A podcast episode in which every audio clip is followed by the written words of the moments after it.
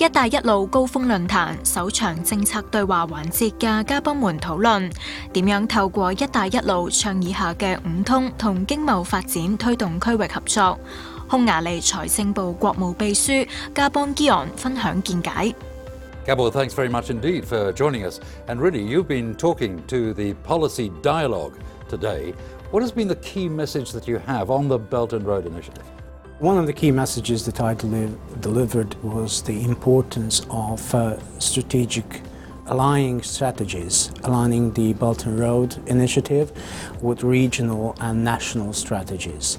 Part of the Hungarian economic strategy is the diversification of the economy to reduce dependence on EU markets and opening up to Eastern markets, including China, and that nicely fits and nicely aligns with Belt and Road strategy. Now, you've got this Budapest to Belgrade railway, which has been built under the Belt and Road Initiative itself. How's that going? Budapest Belgrade Railway is underway currently, and we hope that the construction on the Hungarian side of the border can commence very soon. And this is why it is so successful because it fits to the regional strategy of Central Europe of building road and transportation infrastructure that goes north from south. So, the west to east policy is there in Hungary, and how does Hong Kong really fit into the picture, if you like? Hungary can learn a lot about from Hong Kong. I mean, Hong Kong's being a bridge or a gateway, if you wish, to China.